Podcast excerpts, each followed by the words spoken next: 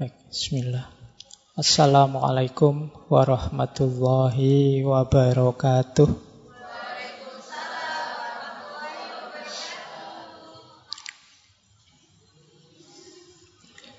Bismillahirrahmanirrahim.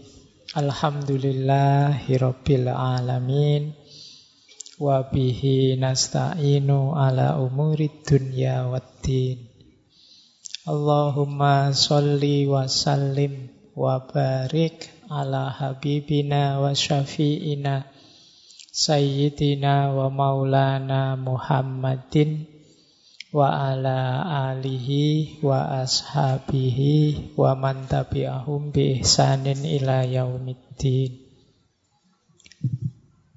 Amma ba'du Bismillah teman-teman kita lanjut lagi ya belajar melalui ngaji filsafat kita. Bulan ini kita banyak belajar nanti tentang kebudayaan, khususnya kebudayaan Indonesia. Mumpung ini bulan Agustus ya, kita belajar sebentar, bukan tentang apa sih budaya Indonesia itu, tapi bagaimana sih jadi makhluk yang berbudaya di Indonesia.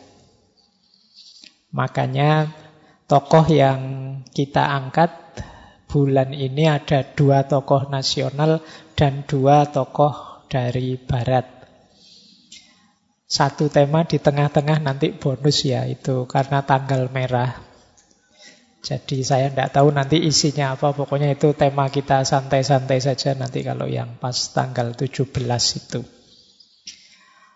Baik, malam hari ini kita akan membahas pandangan tentang kebudayaan kita yang seharusnya menurut Sultan Takdir Ali Syahbana.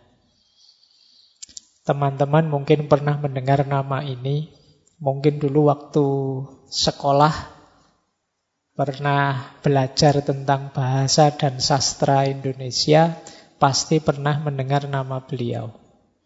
Beliau ini dikenal sebagai pelopor pujangga baru.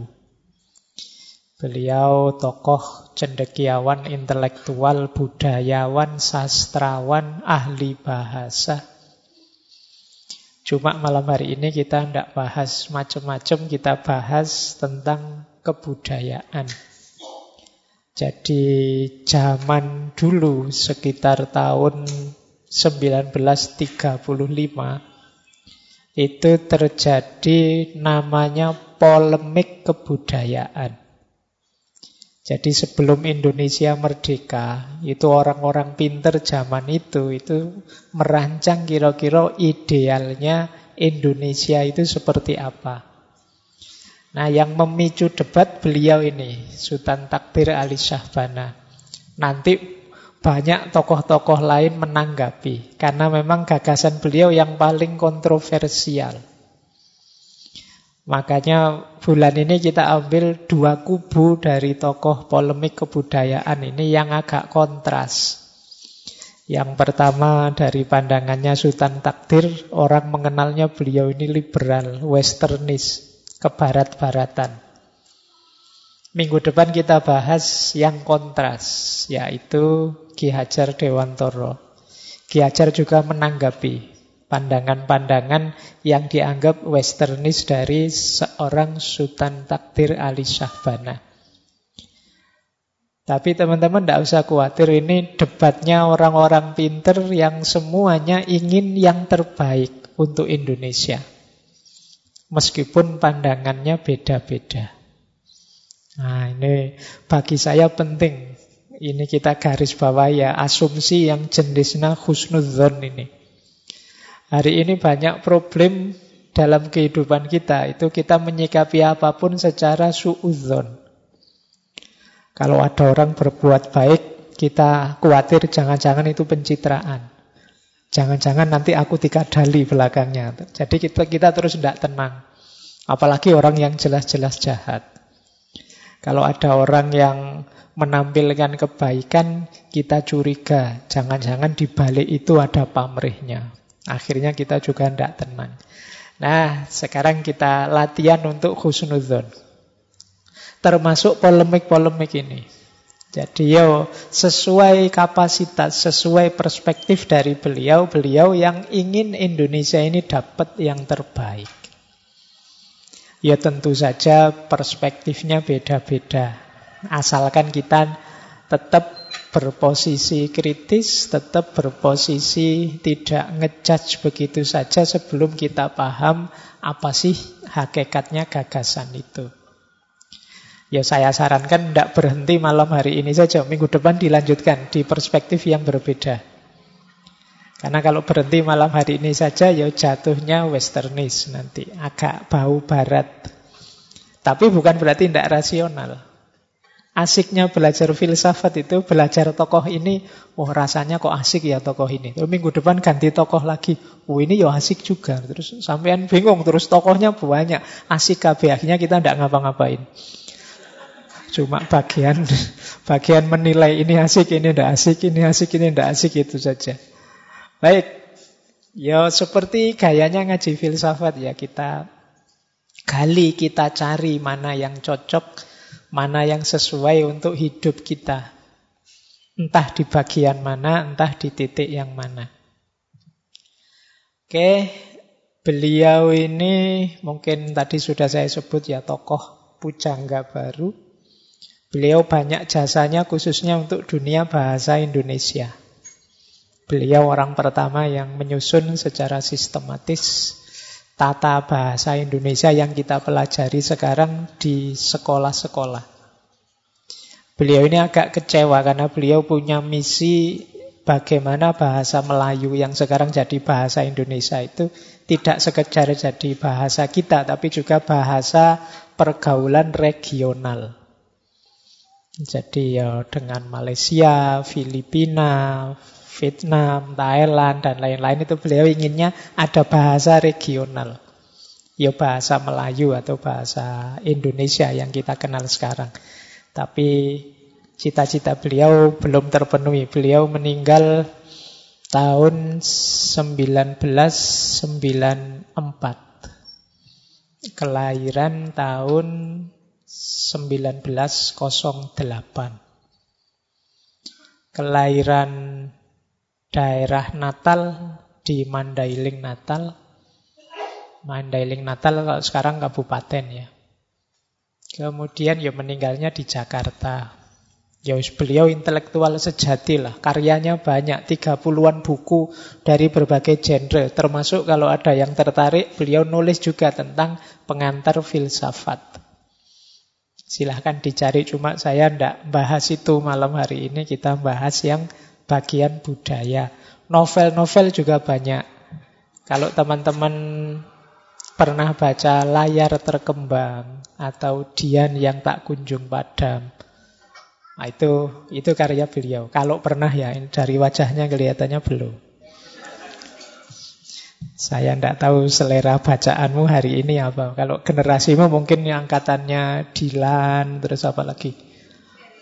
ya, buku novel-novel semacam itu ya. Ini era pujangga baru banyak novel-novel itu.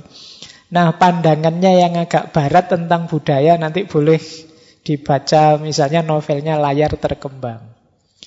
Bagaimana beliau menerjemahkan gagasan-gagasan besar dalam bentuk novel.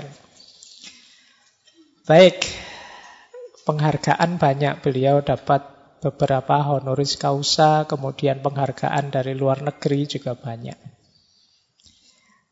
Riwayat hidup detailnya silahkan dibaca di boleh cari online, boleh cari Wikipedia, mungkin kalau belum diblokir oleh Kominfo boleh cari di ya kamu kamu cari ya info online kan mudah sekarang.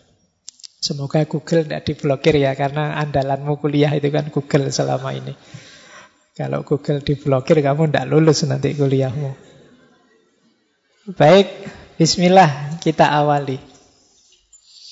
Nah, untuk kebudayaan, banyak orang menganggap beliau ini gaya berpikirnya itu gaya berpikir renaisan ala humanisme modern. Jadi jatuhnya pada era awal modernisme ya karena beliau ingin Indonesia ini modern. Jadi semangatnya semangat era renaisan, era humanisme modern. Ini dua tema yang dua-duanya pernah kita bahas. Makanya saya tidak menjelaskan detail. Cirinya enam. Yang pertama individu atau pakai istilah kalau di filsafat itu antroposentrisme. Jadi segalanya itu kuncinya di manusia. Dunia ini jadi seperti apa itu kuncinya manusia. Dunia ini harmonis atau rusak itu manusia kuncinya. Dunia ini aman, nyaman, bertuhan atau ateis kuncinya manusia. Nah ini gaya humanisme modern. Namanya antroposentrisme. Gaya kedua positivistik. Positivisme. Ini nanti yang membuat sains berkembang. Yang dipercaya adalah yang masuk akal dan yang ada dan jelas faktanya. Ini gaya berpikir positivistik. Jadi Positif itu berarti ya dasar empirisnya ada, kenyataannya konkret ada.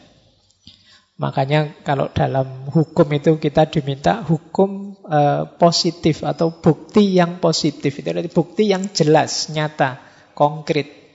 Tidak andai-andai, tidak kira-kira. Nah, ini namanya positivisme. Ini yang diinginkan oleh Sultan Takdir nanti. Jadi bangsa Indonesia yang ilmu pengetahuannya berkembang. Cara berpikirnya yang rasional, yang empiris. Yang masuk akal, yang punya basis empiris. Tidak lagi yang kelenek-kelenek, dukun-dukun, metafisik-metafisik. Saatnya untuk bangkit ilmu pengetahuan. Tapi ini tahun 35 ya. Harusnya tahun ini kita sudah jaya ilmu pengetahuannya.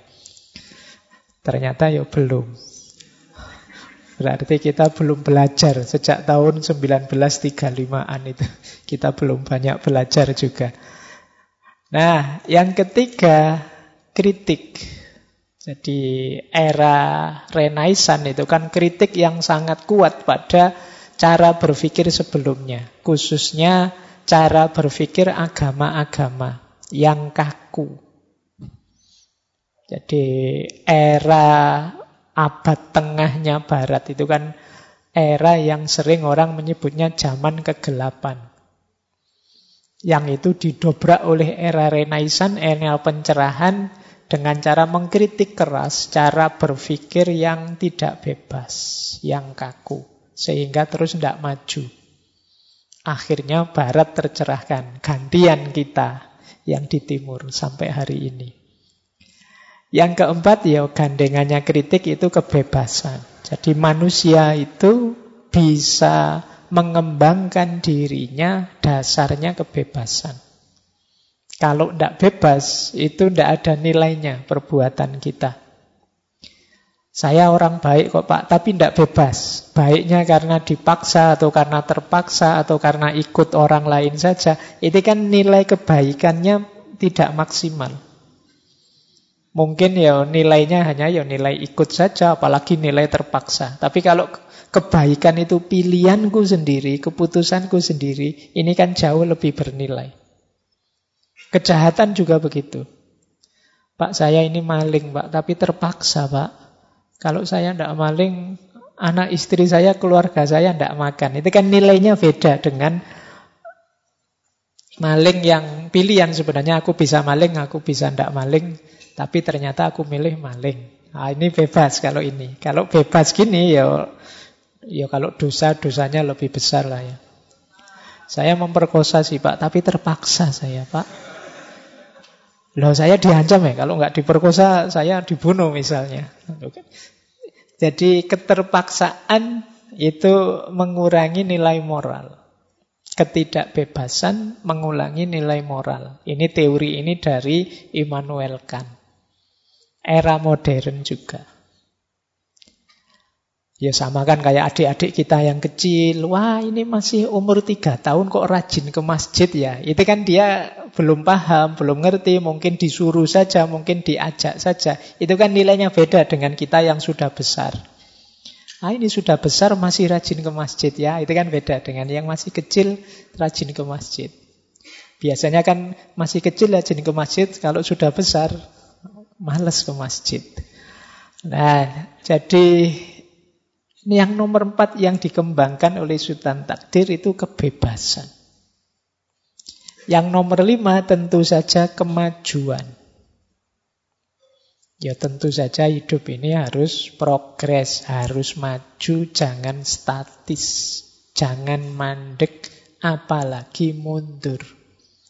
Tadi saya bilang kita ternyata sejak tahun 1935 tidak berubah-berubah sampai hari ini. Nah, itu berarti kita mandek, tidak maju. Yang keenam, idealisme. Ini beliau banyak terpengaruh oleh Hegel.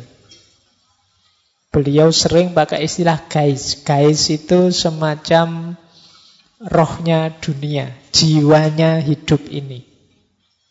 Itu namanya guys. Jadi hidup ini ya selalu berkembang, ada ruhnya. Ya kayak hari ini misalnya dunia hari ini itu ruhnya itu digital. Kayak berpikir digital, apa-apa sambungannya digital dan lain sebagainya. Dulu apa, sekarang apa, berubah. Terus ini idealismenya Hegel kan begitu. Dulu kita pernah belajar filsafat sejarahnya Hegel. Nah maunya Sultan Takdir begitu. Hidup ini yo jangan statis, jangan mandek, yo maju, progres. Dulu apa, sekarang apa, terus berkembang. Baik, jadi ini akar pikirannya. Jadi saya tidak panjang-panjang karena sudah pernah panjang lebar saya jelaskan tentang Renaisan dan humanisme modern. Nah, saya lanjutkan sekarang. Asumsinya Sultan Takdir. Bagi beliau, fitrahnya manusia itu antara lain dia adalah pencipta kebudayaan. Jadi ini nanti ada hubungannya dengan pandangannya tentang budaya Indonesia, budaya nasional. Kita itu kan selama ini mengagung-agungkan budaya nasional kita, budaya lama. Tidak ada salahnya mungkin menghargai budaya lama. Tapi kalau gara-gara itu terus kita mandek, kita tidak lagi jadi makhluk pencipta budaya, kita salah orientasi. Wong kita itu mulia karena kreativitas kita, karya kita. Kalau kita hanya mengagumi masa lalu saja dan tidak ngapa-ngapain, yo kita sedang ada di jalur yang keliru. Karena fitrah kita itu pencipta budaya. Kita kan sering, wow Indonesia zaman dulu itu luar biasa. Islam itu luar biasa dulu. Lah sekarang kamu ngapain? Tidak ngapa-ngapain. Ya pokoknya mengagumi saja masa lalu. Nah ini ini yang dirasakan oleh Sultan Takdir. Jadi manusia itu pencipta budaya. Jangan biarkan dirimu tidak ngapa-ngapain. Bukan berarti salah kamu menghargai, menghormati budayamu, masa lalumu. Tapi kalau hanya itu saja yang kamu lakukan dan situasinya tidak progres, tidak maju, mandek, nah itu salah kita. Kata Sultan Takdir, manusia itu punya dua kodrat. Yang pertama makhluk alam, yang kedua makhluk budi. Ini saya tidak tahu, mungkin pandangan tentang budi ini zaman itu banyak dipakai. Orang kalau menyebut akal itu biasanya gandeng dengan akal budi. Untuk menyebut intelektualitas manusia. Karena akal budi inilah bedanya manusia dengan yang bukan manusia. Jadi kita itu makhluk alam yo makhluk budi. Nah, itu mungkin karena ini dulu buku-buku SD zaman saya itu ya kalau ngambil tokoh selalu Budi. Ini Budi, ini Bapak Budi. Nah, itu mungkin pelan-pelan mengajarkan tentang Budi. Saya tidak tahu bahasa Indonesia hari ini masih ada Budi atau enggak. Atau Budinya sudah tua jadi tidak ada lagi di buku SD. Jadi kita makhluk alam kalau ini statis. Jadi ada polanya, ada sunatullahnya. Kalau ini paket pakem, sisi fisik kita. Tapi sisi batin kita tidak. Jadi sesuatu yang harus dielaborasi, dikembangkan. Dengan inilah kita nanti milih ingin hidup seperti apa kita itu. Nah ini karena apa? Karena kita makhluk budi. Kalau hewan tidak. Kita bisa milih, binatang tidak. Binatang itu paket sudah. Seperti kita yang aspek jasmani kita. Jadi binatang zaman dulu sampai zaman sekarang ya tetap seperti itu. Unta zaman Nabi dengan unta hari ini ya begitu. Ayam zaman dulu, ayam hari ini ya tetap seperti itu. Tidak berubah, tidak pernah kok ayam itu punya ide, wah ini saya kok bajunya tidak ganti-ganti ya, gimana caranya misalnya. Atau makannya enaknya diversifikasi yang apa, tidak, tidak mikir itu. Tapi kalau manusia iya. Jadi sapi itu Ya seperti itu terus. Dia tidak pernah mikir, wah ini sudah deket-deket idul adha ini. Gimana caranya melarikan diri. Ya, dia tidak mikir gitu. Jadi ngerti ini ya pokoknya seperti itu hidupnya. Beda dengan manusia. Nah, kuncinya ada pada akal budi. Jadi dia milih nilai-nilai apa yang harus saya hidupkan, hidup seperti apa yang harus saya wujudkan. Itulah yang nanti disebut dialah pencipta kebudayaan. Jadi hasil olah budi dan daya.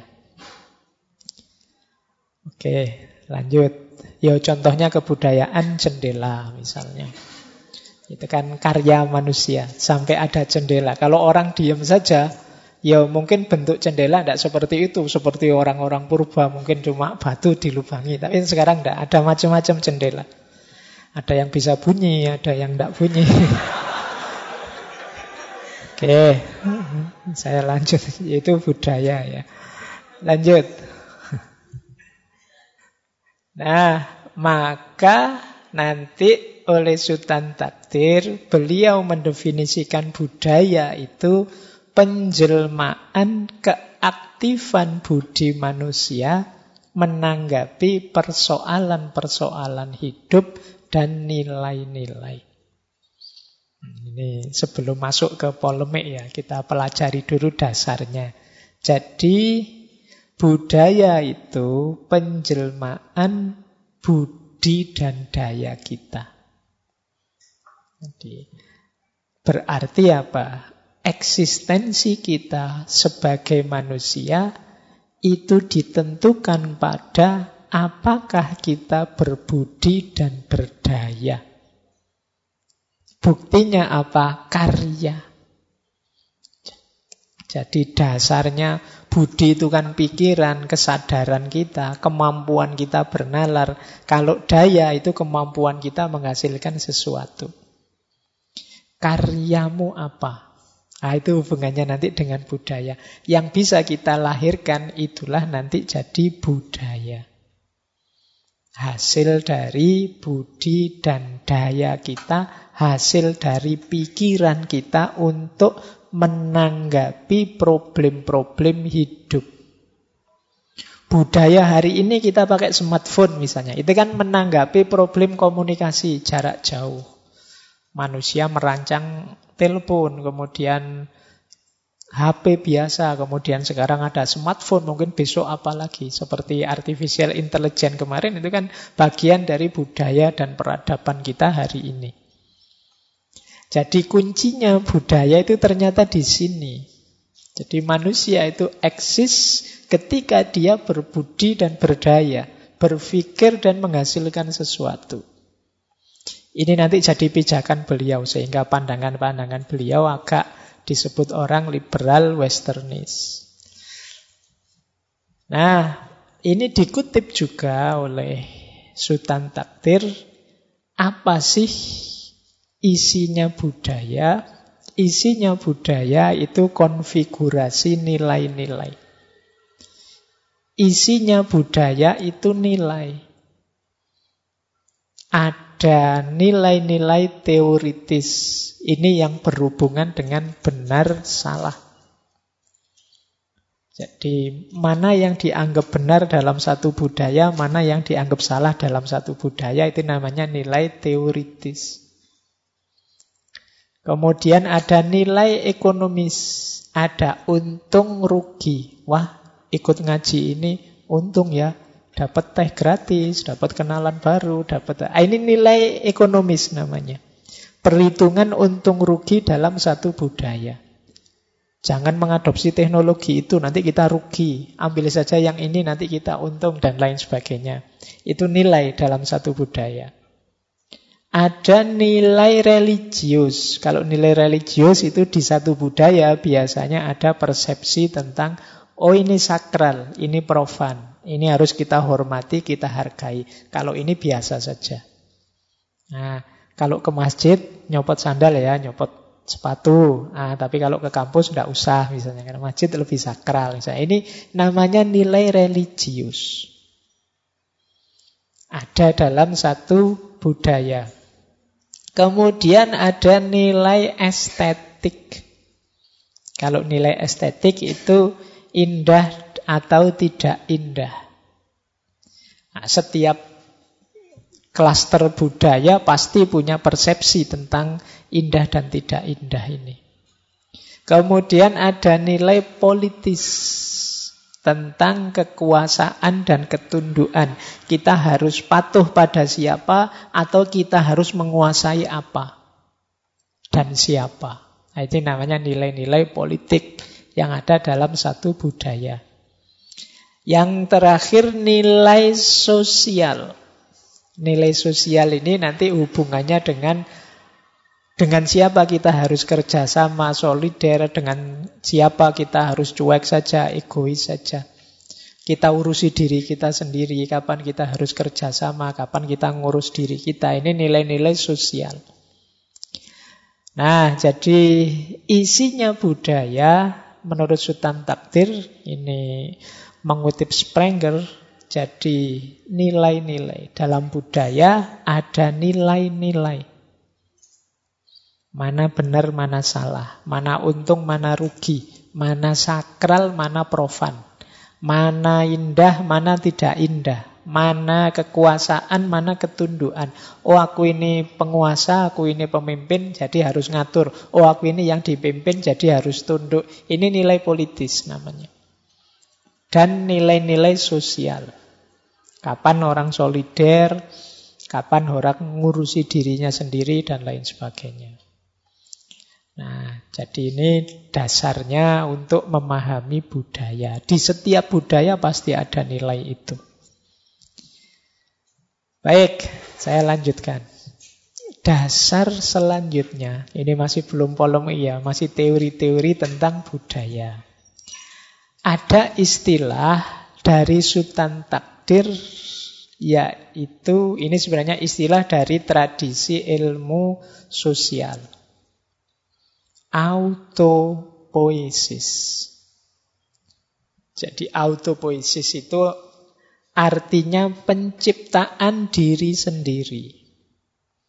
Atau auto itu berarti diri dan poiesis itu artinya penciptaan atau produksi. Jadi ini satu sistem hidup ketika satu entitas bisa membentuk dirinya sendiri. Jadi ketika syarat-syarat tertentu terpenuhi tentu saja. Jadi ini nanti hubungannya dengan kemandirian. Self-creation, self-organization, self-referent, dan juga punya sistem yang tertutup dan terbuka. Jadi Sultan Takdir melihat bangsa Indonesia ini harus menuju ke sini. Jadi menuju kondisi self-creation. Bisa membentuk dirinya sendiri. Kalau saya ingin maju, bisa. Saya ingin sampai sana, saya mampu. Saya ingin melakukan itu, aku ya bisa. Ini namanya self-creation. Yang kedua, self-organization. Ngatur dirinya. Untuk mencapai ke sana, aku harus begini, yang sebelah sini harus begitu, dan lain sebagainya. Namanya self-organization. Terus self-referential. Self-referential itu bahan-bahan yang aku butuhkan ada. Aku punya. Dalam diriku sendiri.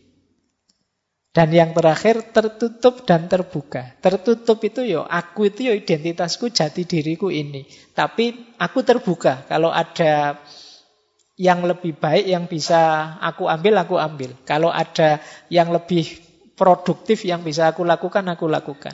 Jadi Aku seperti ini tapi tidak harga mati.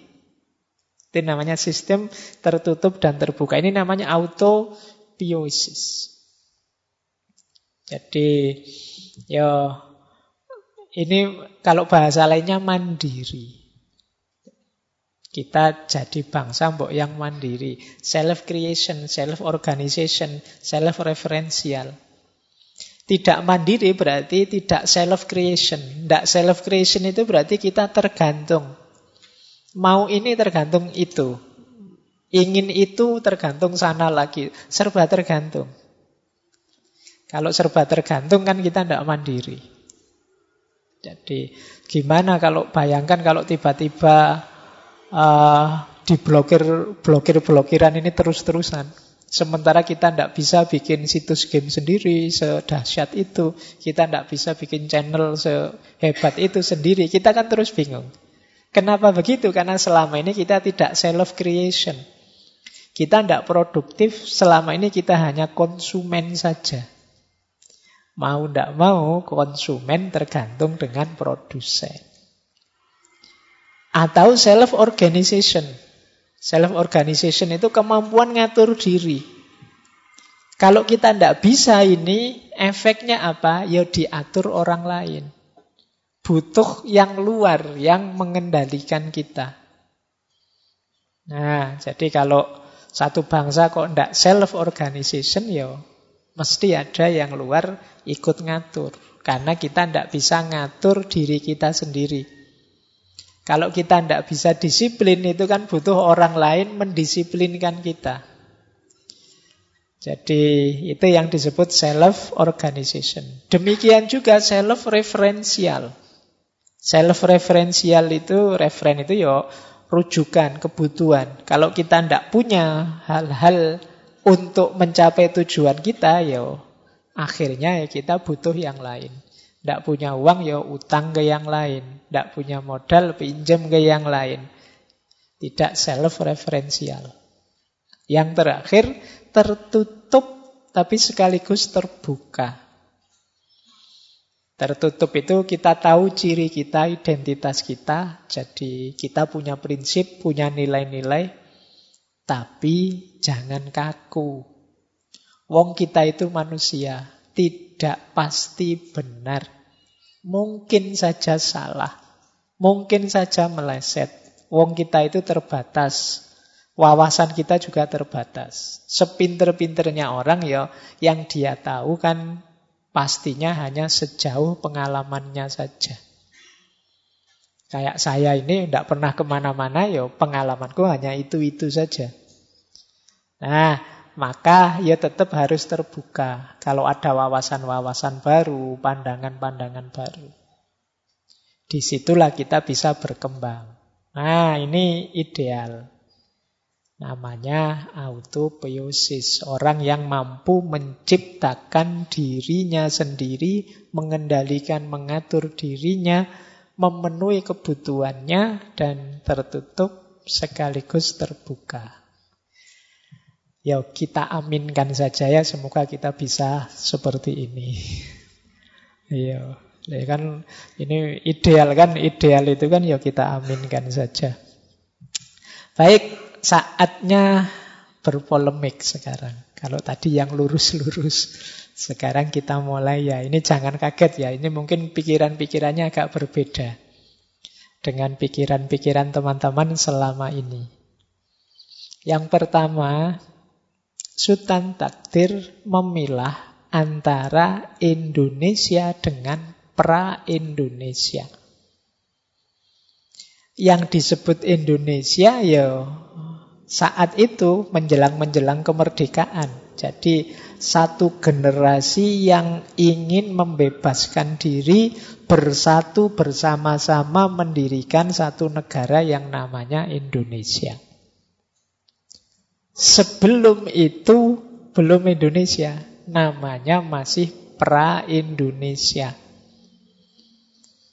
Jadi kalau ada orang bilang nenek moyang kita Indonesia dulu, enggak, Indonesia itu ya zaman 45 itu.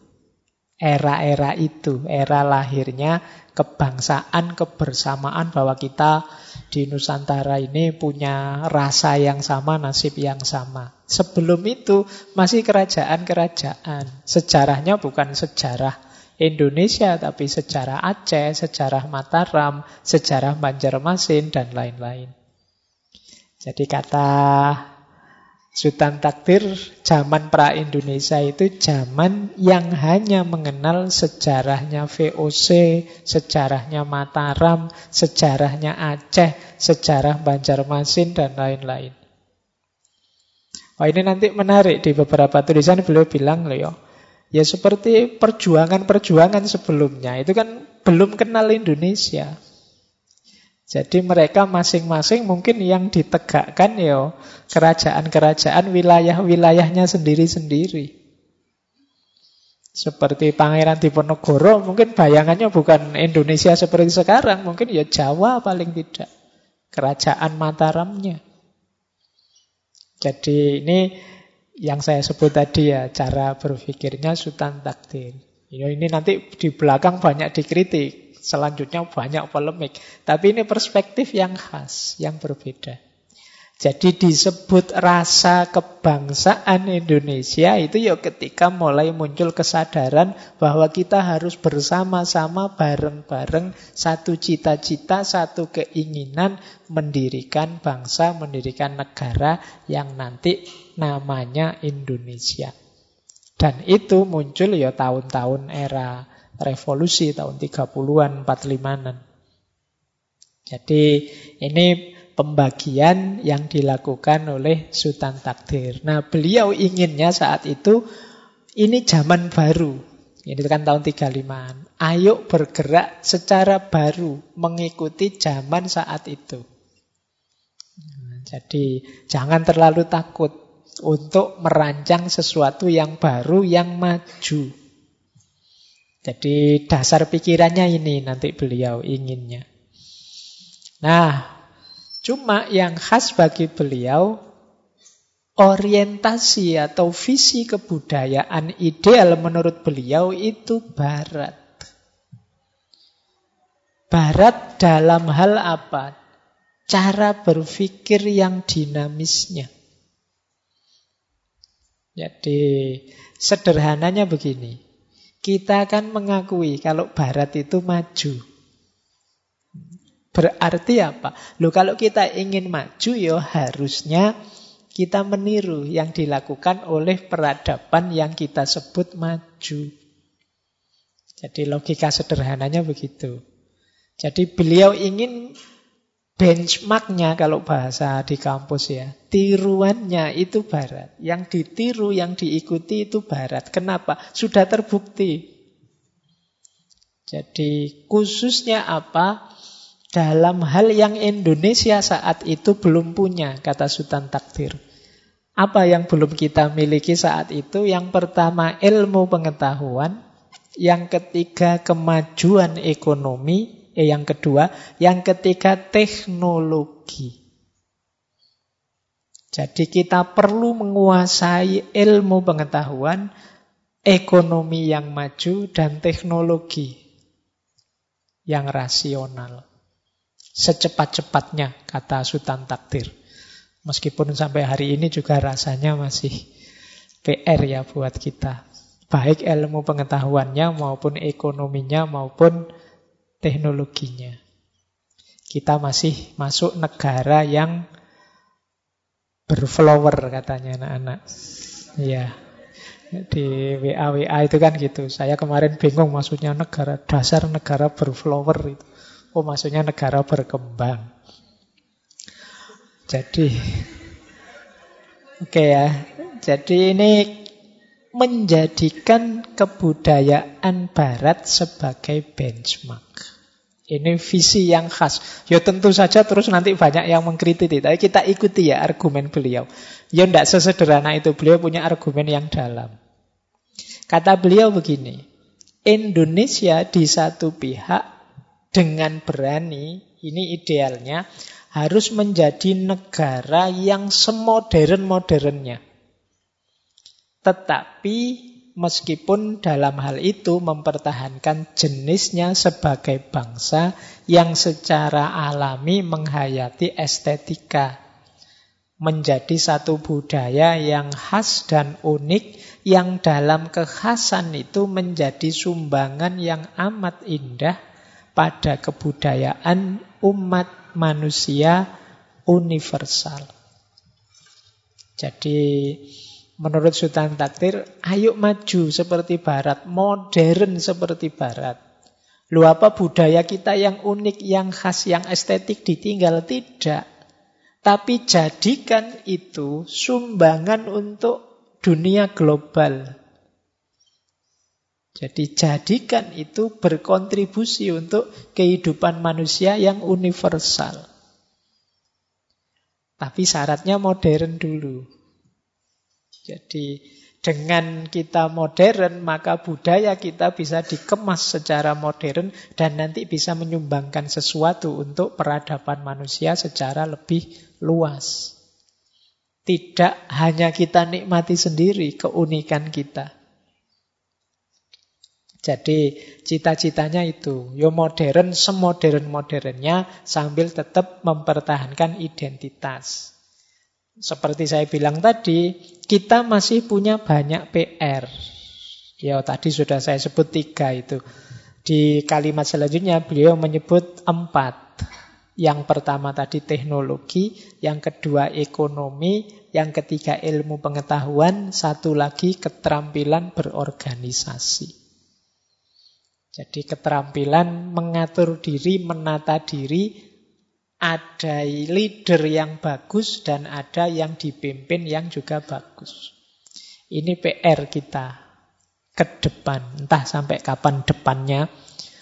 Pokoknya kita harus sampai di titik sana. Jadi teknologi, ekonomi, keterampilan berorganisasi, dan ilmu pengetahuan. Nah, ini bukan hal mudah, kata Sultan Takdir, ya karena corak budaya kita berbeda. Sultan Takdir pakai istilah timur itu kecenderungannya ekspresif. Sementara barat progresif. Dan yang disebut maju itu perlu progresivitas. Jadi kemajuan itu datangnya dari modern. Sementara yang sudah modern itu barat.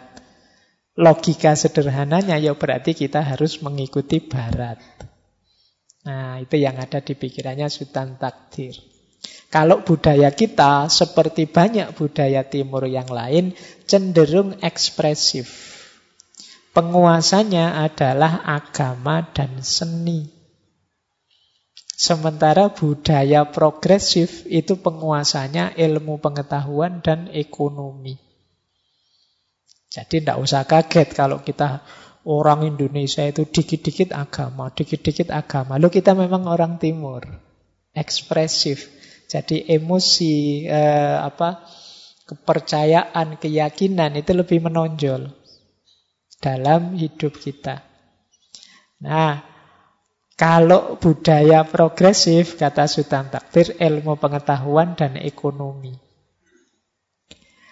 Baik, itu beliau punya kalimat pusatnya budaya yang lama itu di masjid, di gereja, di wihara. Sementara budaya yang baru dan modern itu pusatnya di universitas, pabrik, laboratorium. Harusnya begitu, idealnya. Maka Kata Sultan Takdir, Indonesia harus hijrah. Ini mumpung baru Muharram ya. Jadi yang hijrah jangan hanya orangnya. Yuk kita sebagai bangsa hijrah dong. Atau nama akademiknya kita bertransformasi.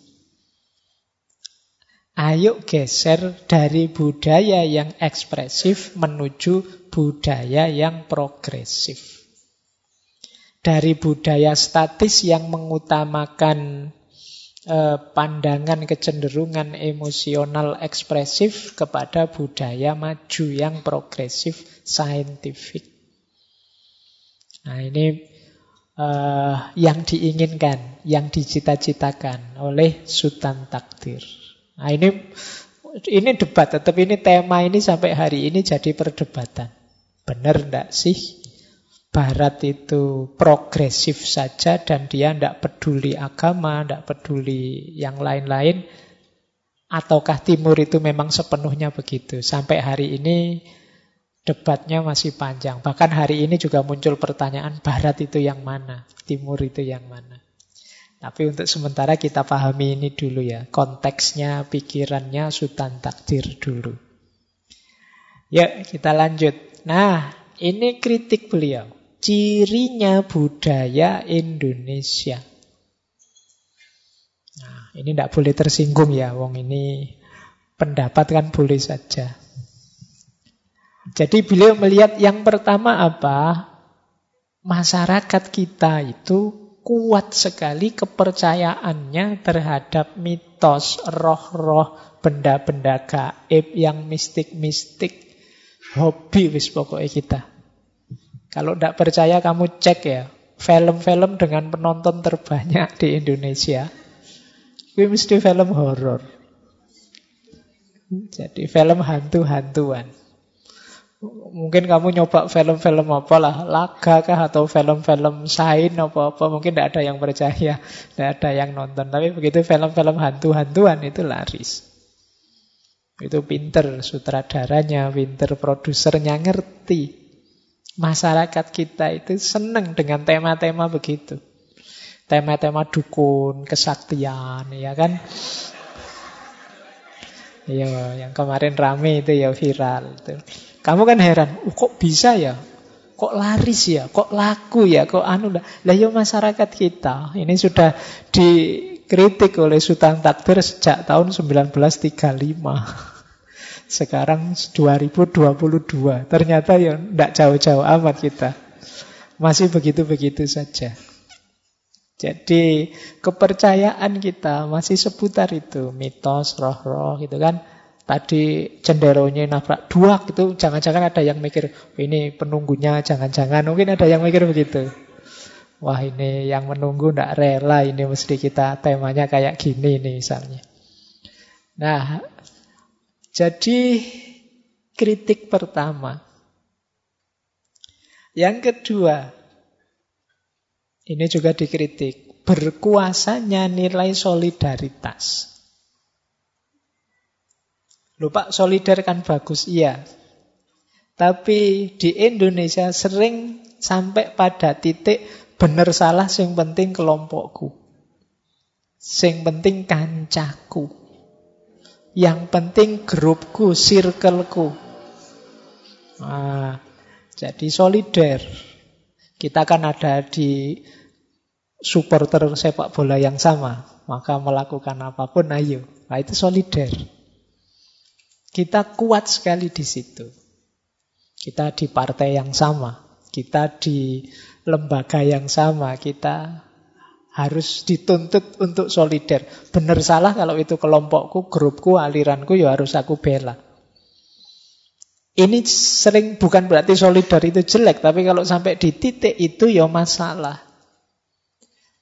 Tapi kita tidak sadar bahwa itu sering jadi masalah, menghalangi kita untuk maju.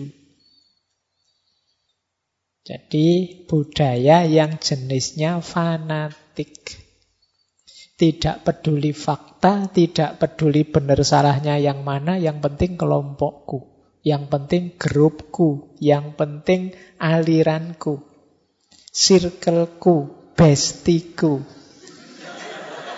Loh ya kan, kamu hari ini kan itu. Terus dibelo mati-matian. Nah, oke. Okay. Itu ciri kedua. Ciri ketiga, kuat sekali perhatiannya pada hubungan darah. Kalau ini ya lanjutannya, saudaraku temanku. Yang penting kita jangan pisah ya. Yang penting kita sampai di masyarakat Jawa ada peribahasa mangan ora mangan sing penting kumpul. Jadi sudah kita ngumpul saja rukun yang enak. Nah, fokusnya ke sini. Bukan berarti ini salah, tapi dalam kondisi tertentu seperti di barat modern ya perlu titik-titik profesional. Misalnya harusnya profesional kerja tapi lah ini yang ngelamar saudara gue. Lah ini yang ngajuin lamaran masih family. Kalau daftar terus kita titip ada kenalan ndak? Ada saudara ndak di sana? Nah, itu alamat kan kita masih punya logika, punya kenal orang dalam ndak? Jadi hubungan darah itu jaminan kesuksesan banyak kalau hari ini. Ya kan? Ya nasibmu kamu tidak punya saudara yang orang-orang besar. Nah, di kita begitu. Saya ndak, ya kamu sekarang ketawa. Saya ndak jamin besok kalau kamu jadi punya posisi pejabat apa, terus anakmu atau saudaramu atau ponaanmu ngelamar di perusahaanmu saingannya banyak, berani ndak kamu ndak nerima yang ada hubungan darah. Tapi menerima yang lebih profesional. Oh, kamu bisa dimusuhi sak keluarga besarmu. Iya kan? Kamu kalau pulang dimarah-marahi mesti kan sedulure dhewe ora diane. Khas itu gaya Indonesia sudah. Jadi ini masih PR kita di situ. Kemudian ini bukan saya ya, Sultan Takdir. Kuatnya kedudukan agama. Bukan berarti agama itu jelek. Tapi sering kali ini persis seperti yang dikritikan oleh Karl. Membuat kita ternina bubukkan. Jadi tidak aktif, tidak kreatif. Apa-apa ditarik ke agama. Misalnya kita sedang sulit, kita sedang dizolimi, dijajah, sudahlah Pak, Hidup ini kan sudah digariskan oleh Allah. Jangan kemerungsung, jangan marah-marah. Kalau takdirnya menang besok kita tetap menang kok. Ya kan? Apa-apa dibawa ke sana. Bukan berarti salah. Ya memang kita punya Tuhan, kita percaya Tuhan. Tapi kan kita juga punya peran amanat sebagai khalifahnya. Jadi melupakan sisi kekhalifahan ini, lebih fokus pada sisi penghambaannya. Jadi sisi abid ibadahnya. Ya kita ini abid tapi juga khalifahnya. Bukan berarti kembali ke agama itu salah. Cuma ada porsi dan proporsinya. Nanti harusnya digarap secara profesional. Sudahlah, tidak usah kita serius-serius capek-capek. Kita berdoa saja bareng-bareng semoga kerjaan kita ini selesai misalnya. Tidak nyambung. Toh kita capek-capek kayak apa kalau tidak diridhoi Allah juga tidak sukses kok. Ah ini berat kalau cara berpikirnya begini. Kadang-kadang terus misalnya berjuang pun tidak perhitungan. Sudahlah kita yang penting maju saja, kalah juga nanti masuk surga, nanti enggak, ya perhitungan dong. Jadi ini yang hal-hal yang membuat kita jadi tidak rasional. Padahal Al-Quran kan banyak juga nyindir kita. Afala ta'kilun, afala tatafakkarun. Apa kamu tidak mikir, apa kamu tidak merenung. Kok kelakuanmu kayak gitu. Nanti kalau gagal Allah jadi kambing hitam. Wah ini Allah ini tidak sayang padaku. Apa salahku? Ini disalah ke Allah. Baik. Nah, yang terakhir kritiknya Sultan Takdir pada budaya Indonesia adalah feudalistik. Jadi feudalistik itu pokoknya apa? patuh pada raja-raja. Itu saya kasih tanda petik karena maksudnya atau yang diposisikan seperti raja. Jadi kalau sudah diposisikan yang terhormat, ya cirinya mungkin kalau pas pidato sambutan yang saya hormati bla bla bla bla, nah, itu biasanya terus kita tidak berani bantah sudah. Ini mental feudal.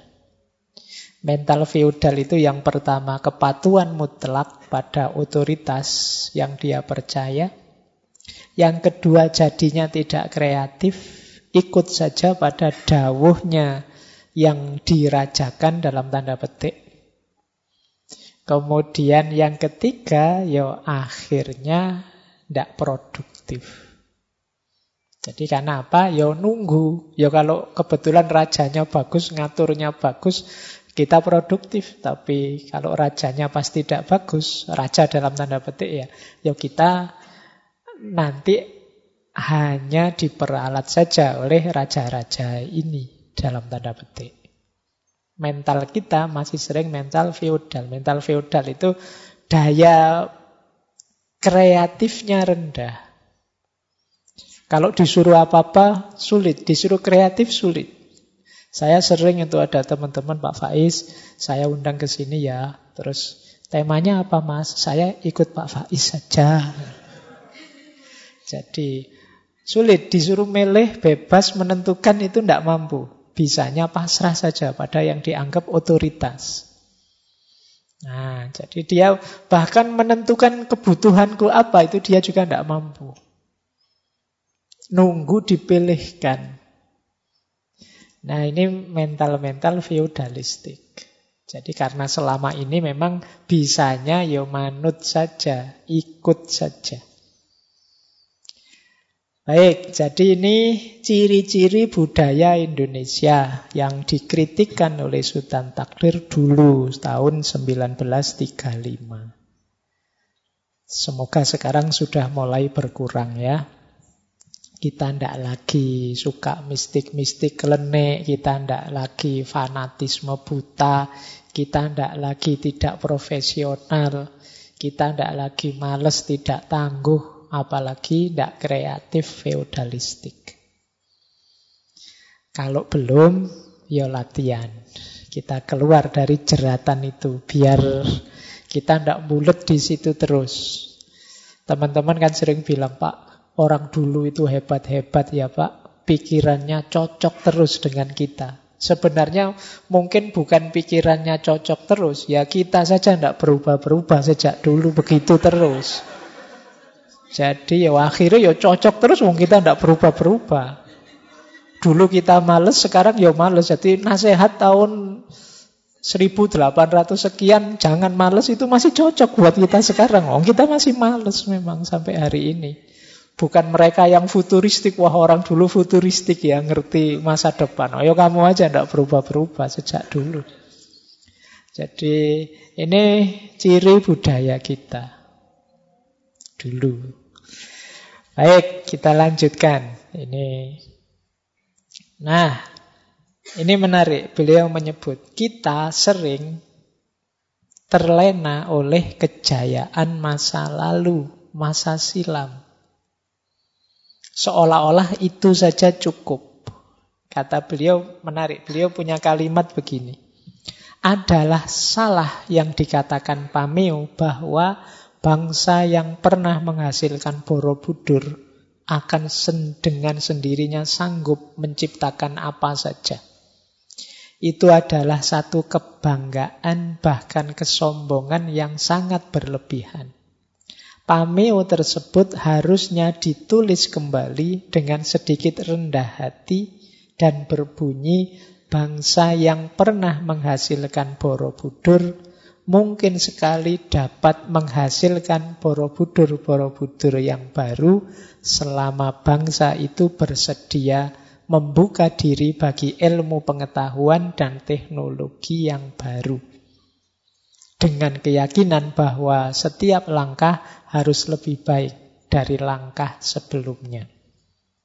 Jadi kita yang selama ini kan sering membanggakan masa lalu. Wah kita itu bangsa besar loh.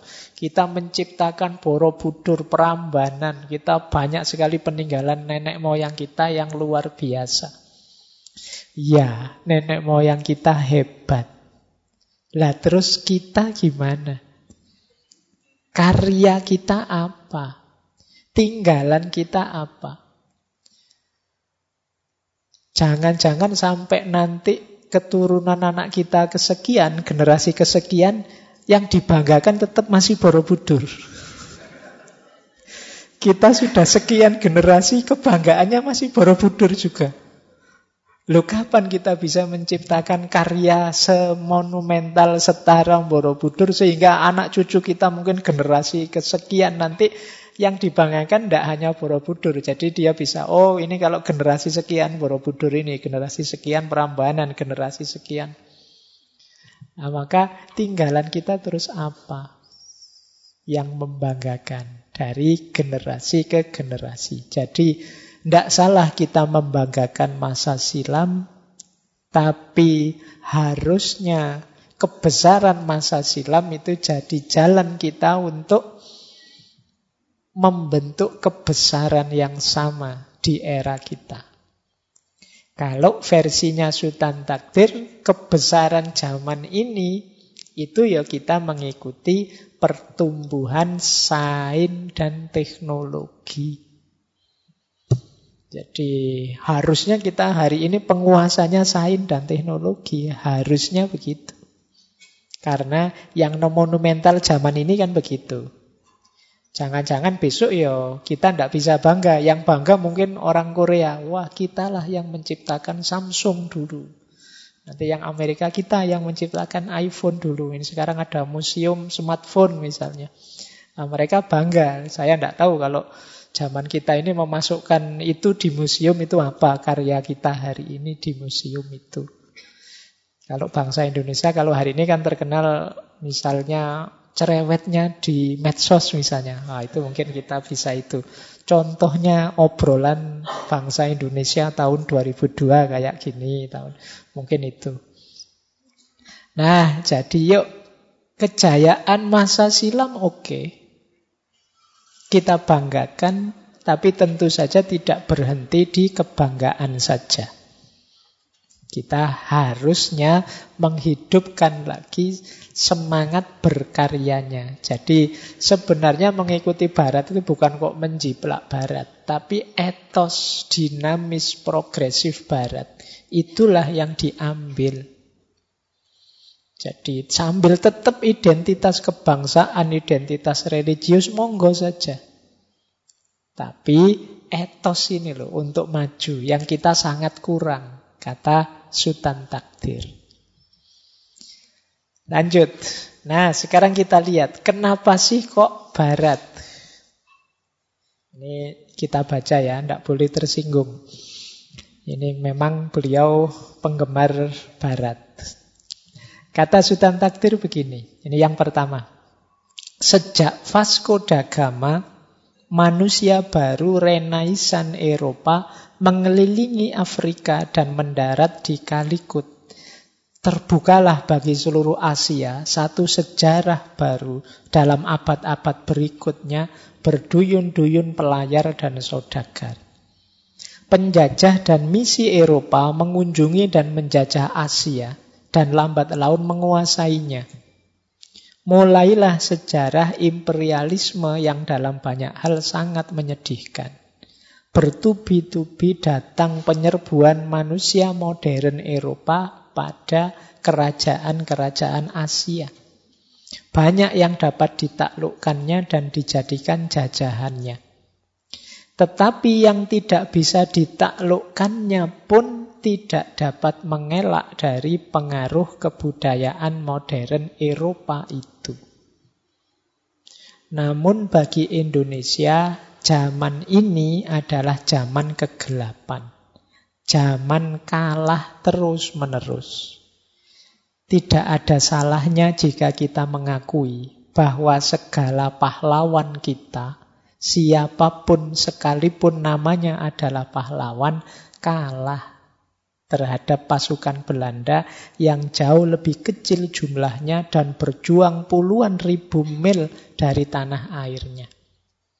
Kekalahan itu adalah pada hakikatnya kekalahan kebudayaan Indonesia asli yang bercampur dengan kebudayaan Hindu dan kebudayaan lain yang lebih dulu tiba ke Indonesia.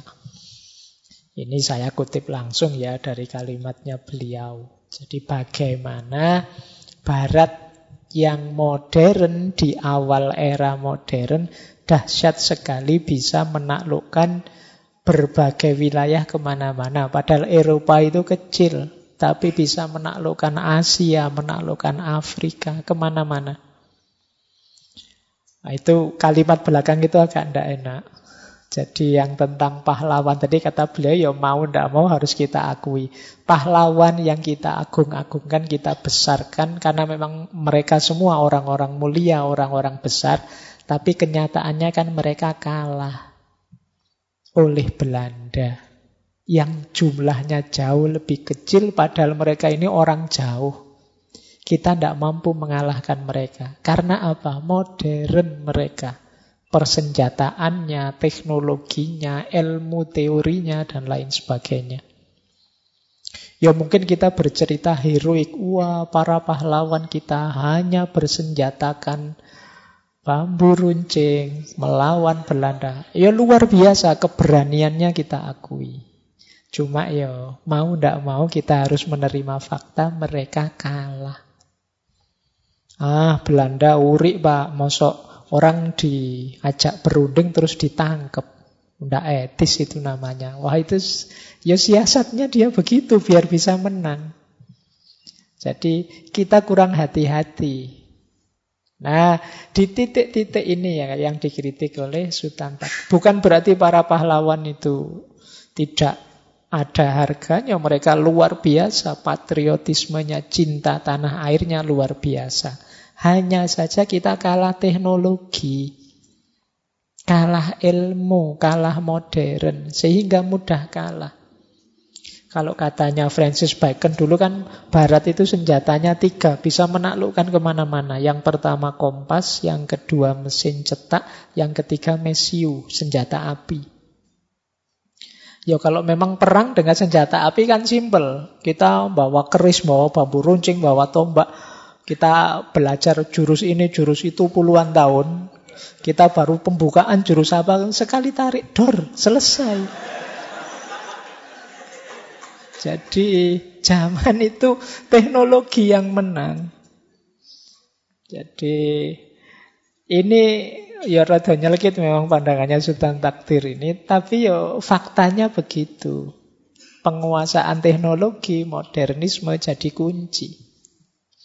Saya lanjutkan. Keutamaan Barat lagi. Mereka, dia mengkritik begini. Selama ini masih ada beberapa golongan yang dengan tiada sengaja dan tiada insaf telah menina bubukkan rakyat dengan ucapan-ucapan yang kosong dan tidak berarti. Timur itu halus budinya, tinggi kebatinannya, mulia jiwanya. Kalau Barat itu egois, materialis, intelektualistis. Mereka menganggap bahwa seolah-olah semua orang timur itu wali yang suci. Dan semua orang barat itu penjahat yang tidak punya hati. Jadi kita akan sering begitu menggambarkannya. Pasti akan kaget orang-orang ini kalau mendengar ucapan yang mengatakan bahwa orang timur harus berguru pada orang barat. Tetapi meski bagaimana sekalipun tidak enak bunyinya, semboyan bahwa kita harus belajar pada barat, meski bagaimana sekalipun sedih hati kita memikirkan hal demikian, dalam hal ini rasanya kita tidak dapat milih. Kenapa? Kita memang tertinggal di bidang ilmu pengetahuan, sains, teknologi. Kalau saya bilang dengan kalimat, kata Sultan Takdir, orang timur harus belajar ke barat. Itu kan rasanya ganjel. Rasanya ndak enak ya. Padahal kita selama ini membanggakan Timur. Timur itu orangnya suci, bersih. Orangnya itu batinnya dalam. Hidupnya tidak dangkal. Orang Barat apa cuma lihat materi, cuma lihat kita itu sudah dalam. Tidak hanya materi, di balik materi kita tahu. Ada penunggunya, ada hantunya, ada danyangnya. Ya, kita akan bisa masuk sampai ke dalam. Barat itu dangkal cuma materi. Tapi ya faktanya memang kita tertinggal jauh di bidang sains dan teknologi. Menyedihkan memang, pahit memang, tidak enak memang, tapi ya gimana lagi? Jadi kita perlu untuk menguasai sains, menguasai teknologi. Maka ini argumen kedua dari Sultan Takdir. Kenapa kok Barat? Ya memang kita tertinggal dari barat. Yang namanya tertinggal kan memang harusnya nyusul ketertinggalan itu. Yang ketiga, ini kalimat-kalimat yang dari Sultan Takdir. Selama ini semangat keindonesiaan yang telah menghidupkan kembali masyarakat bangsa kita itu pada hakikatnya kita peroleh dari barat. Seperti misalnya Budi Utomo, lahir seperempat abad yang lalu di kalangan rakyat kita, yang mendapat didikan barat dan rapat bergaul dengan orang-orang barat. Agen-agen aktor-aktor yang terlibat dalam kebangkitan nasional, munculnya banyak aliran-aliran, kelompok-kelompok seperti Budi Utomo, itu kan memang banyak dipelopori oleh orang-orang yang mendapat pendidikan barat saat itu dan punya banyak teman barat. Cara berorganisasi yang dipakai sebagai pengganti persatuan menurut keturunan dan tempat kediaman yang terdapat di zaman pra-Indonesia itu kan gaya organisasi barat. Jadi munculnya organisasi-organisasi modern, lembaga-lembaga modern itu kan hakikatnya ya mengambil terinspirasi dari organisasi-organisasi barat. Dalam segala pergerakan kebangunan bangsa kita yang serupa organisasi cara modern, yang memegang pimpinan ialah mereka yang mendapat didikan barat atau sekurang-kurangnya mendapat pengaruh barat atau mungkin yang banyak baca buku juga tentang Barat. Tokoh-tokoh pergerakan nasional kita kan banyak yang alumni-alumni pendidikan Barat. Bahkan kata Sultan Takdir, kata Indonesia sendiri yang kita banggakan itu kan yang bikin orang Barat. Jadi jangan dikira Indonesia itu yang bikin kita. Kalau baca sejarah kan memang Kata Indonesia itu kan berawal dari jurnal ilmiah yang terbit di Singapura yang nulis dua orang dari Inggris. Yang pertama namanya Logan, yang kedua namanya Winston Earl. Ini dua orang yang pertama kali pakai istilah Indonesia untuk membedakan dengan India. Karena sering kecampur-campur. Dulu kita menyebutnya India Belanda, tapi kan Belanda sudah kalah. Akhirnya pakai istilah Indonesia. Arti letterleknya Indonesia itu sebenarnya kepulauan. Nesia itu dari kata-kata nesos, artinya kepulauan. Indo itu ya Indus, India. Jadi kita itu negara Indonesia. Kalau makna letterleknya negara kepulauan Hindia. Zaman dulu untuk membedakan itu pakai istilah Hindia Belanda karena kita dijajah oleh Belanda. Lu asal usulnya itu. Jadi bukan ada wali yang kemudian dapat ilham, tidak begitu. Ya, itu sekitar tahun 1854-an lah nanti dipakai oleh para tokoh pejuang kita. Misalnya muncul Harian Indonesia Merdeka, itu tahun 1924-an. Jadi maka kata Sultan Takbir ngapain sih gengsi-gengsi dengan Barat? Wong yo nama Indonesia saja itu juga yang menciptakan atau yang meng mengusulkan pertama dengan nama itu ya orang-orang barat. Dan pergerakan nasional sampai lahirnya kemerdekaan itu banyak dipelopori oleh tokoh-tokoh yang mendapat didikan barat. Termasuk tokoh-tokoh Budi Utomo dan lain-lain. Ya karena memang zaman itu kita bangsa yang dijajah, pendidikan tinggi yang ada di Indonesia ya tetap penyelenggaranya ya penjajah.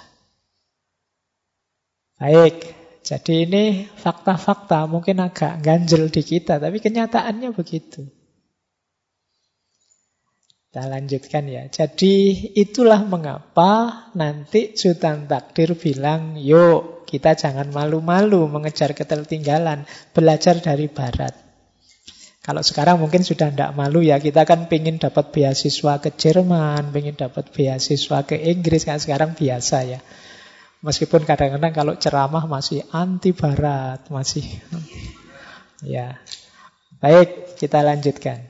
Dan ini menarik, kalau menurut Sultan Takdir justru fokus berpikir rasional, pengembangan sains dan teknologi itu dulunya sebenarnya budaya Islam.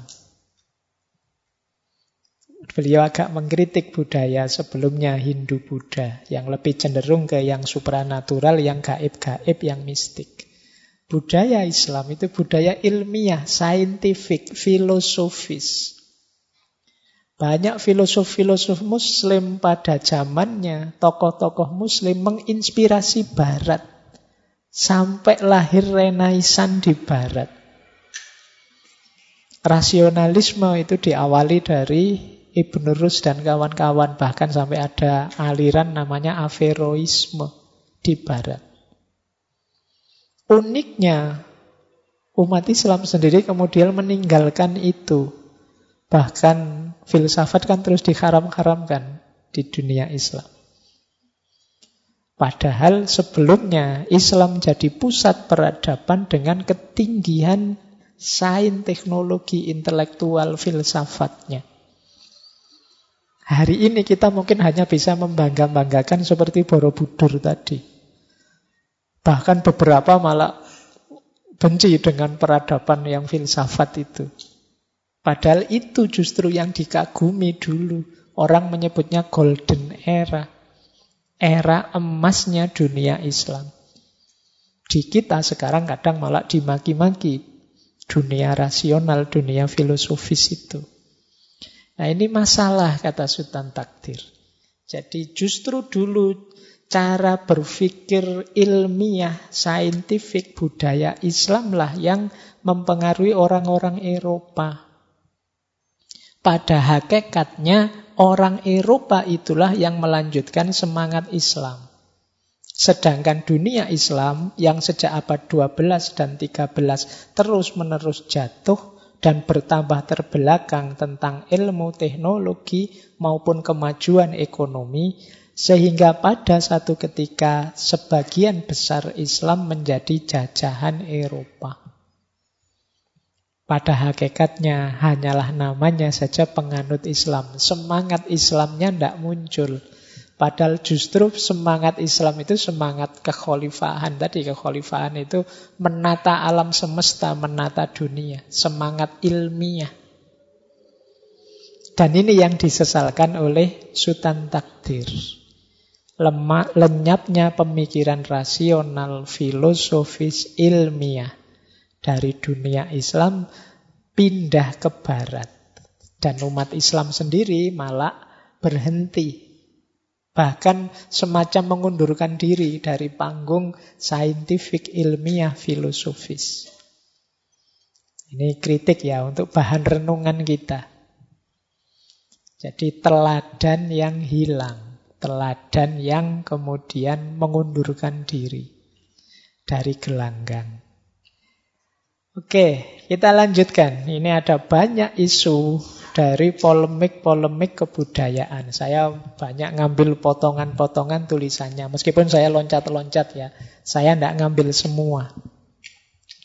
Yang pertama, Beliau nulis pertama-tama tapi terus dikritik oleh Sanusi Pana. Terus beliau jawab lagi.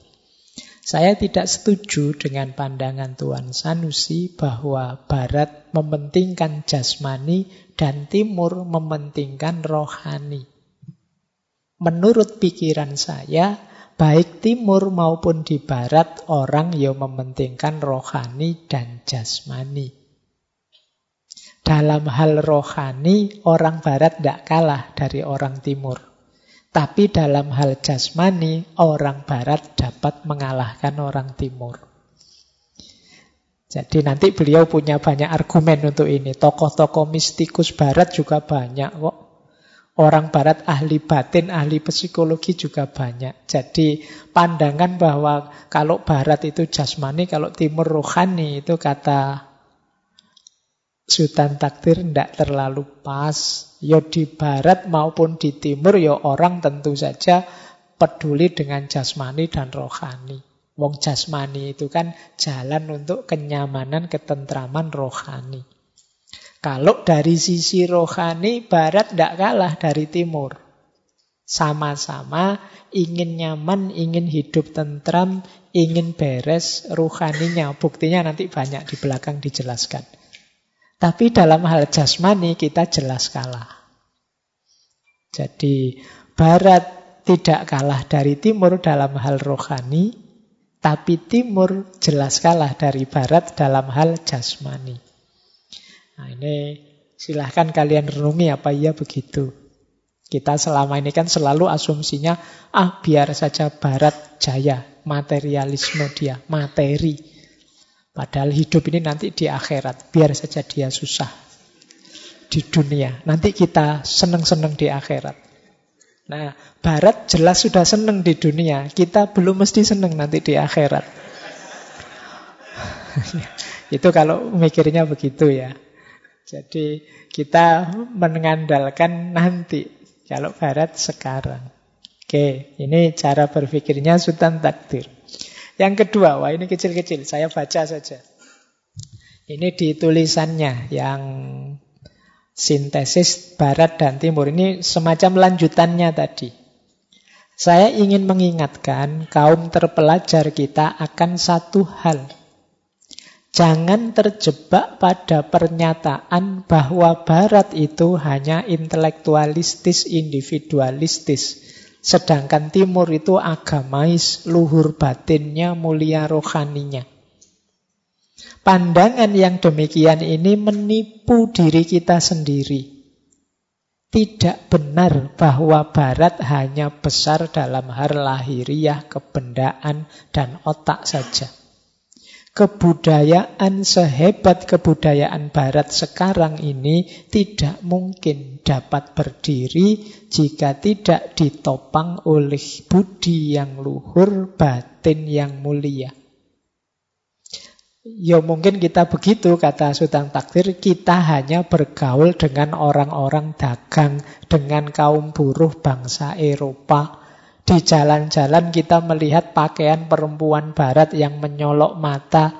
Di restoran kita melihat pelaut Eropa yang mabuk-mabukan. Dengan sekilas kita langsung menyimpulkan bahwa barat itu tidak punya kehidupan batin, moral barat itu tidak begitu tinggi dan barat itu tidak punya keluhuran budi. Hanya lihat itu saja, wong karena memang kita lihatnya yang itu-itu. Wah orang barat kalau pakaian mini-mini lah ya memang itu yang kita lihat.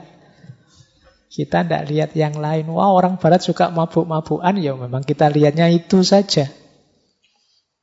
Padahal kata Sultan Takdir kita lupa bahwa selain yang jelek-jelek yang selalu kita lihat untuk bahan kritik itu yang setiap hari kelihatan dalam pergaulan di negeri kita ini, masyarakat Eropa itu juga banyak yang dari kalangan ahli filsafat, ahli agama, kaum pujangga. Kan banyak pujangga-pujangga barat, rohaniwan, tokoh agama. Di samping itu mereka ahli pengetahuan, ahli teknik, dalam sejarah barat pun kita temui ada ahli mistik, ada Agustinus, ada Bernard van Clairvaux, ada Eckhart, ada Rusbrook, ada Luther, ada Calvin, ada Muller, banyak tokoh-tokoh mistik spiritual. Boleh jadi mistik barat berbeda dari mistik timur. Boleh jadi mistik Nasrani berbeda dari mistik Buddha. Pada hakikatnya kan sama. Dua-duanya merupakan upaya jiwa mencari kehidupan abadi dengan asal mula kehidupan. Jadi jangan dikira barat itu yang materi-materi saja, yang seneng-seneng lahiriah saja, ya karena kita lihatnya itu saja. Coba kita lebih jeli melihatnya, membaca sejarahnya Barat, juga banyak tokoh-tokoh spiritual, tokoh-tokoh rohani, tokoh-tokoh agama. Jadi ini pandangannya Sultan Takdir untuk mementahkan pandangan, ah Barat kok ditiru, Barat itu orang ateis semua. Orang anti akan sering begitu. Orang tidak ngerti agama semua. Perempuannya kalau pakai baju mini-mini semua. Nah kan kita sering begitu yang citranya barat. Culas semua, curang semua. Kan kita hanya melihat itu. Tidak mungkin kata Sultan Takdir jadi peradaban yang kokoh sampai hari ini kalau isinya hanya orang-orang yang itu saja. Kalau isinya hanya orang pakai rok mini saja ya tidak akan jaya dia. Kalau isinya hanya orang-orang mabuk-mabukan saja tidak mungkin sukses sebesar itu sekarang. Jadi ini ini saya baca versi Sultan Takdirnya ya, bukan jawaban-jawabannya. Jawaban-jawabannya antara lain kita jelaskan minggu depan. Tapi sampai titik ini kita pahami dulu, itu yang ada di pikirannya Sultan Takdir. Jadi Bukan berarti orientasi ke barat itu beliau ingin Indonesia ini serusak itu. Tapi maksudnya ingin Indonesia ini semaju itu. Sehubungan dengan barat. Saya lanjutkan lagi. Nah, ini kayak baca buku ya. Tidak apa-apa. Saya tahu teman-teman hari ini kan males baca buku. Jadi saya bacakanlah, saya ngalahi baca. Kalau saya cuma bilang, teman-teman beli bukunya, kan ini buku lama, di perpus-perpus juga banyak. Saya tidak yakin terus ke perpus nyari buku ini. Saya bacakan sajalah. Nah, kita lihat kenapa kok terus ada orang benci dengan barat, melihat ada problem individualisme, egoisme, materialisme di barat. Ini kritik lagi dari beliau.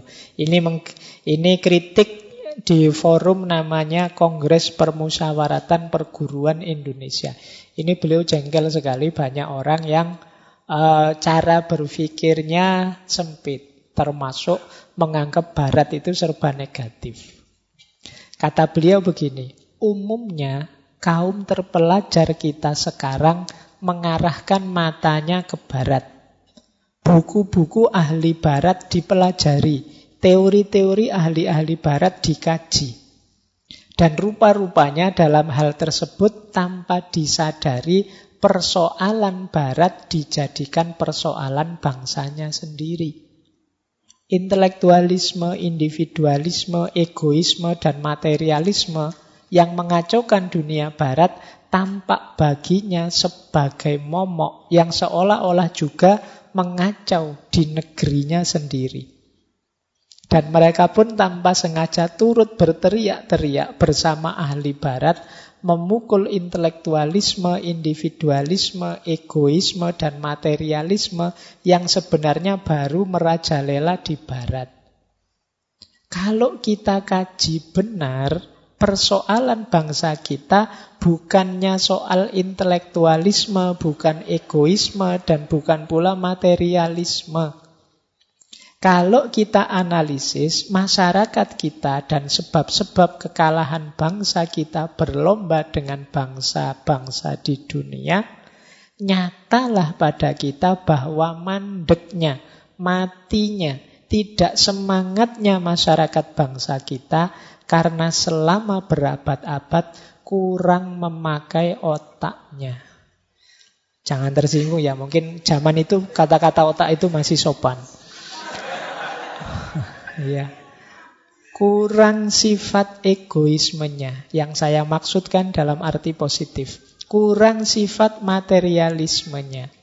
Dalam hal kecerdasan, berabad-abad bangsa kita jadi parasit.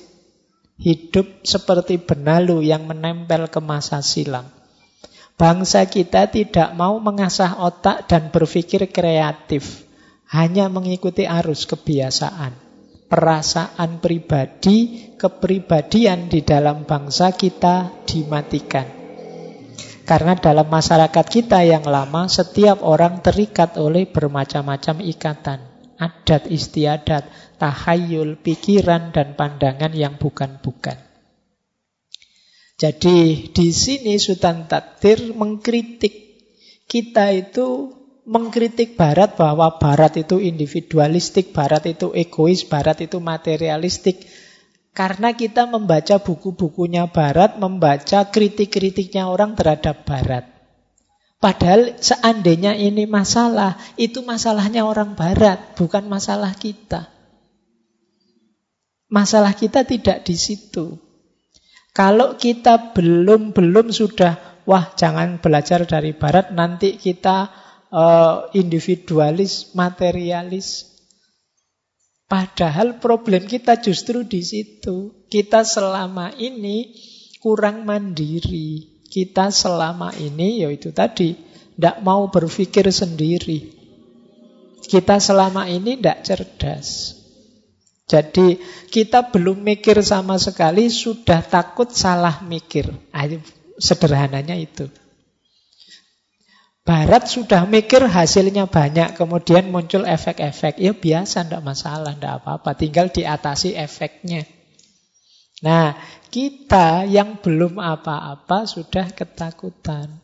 Belum tanding, sudah takut kalah.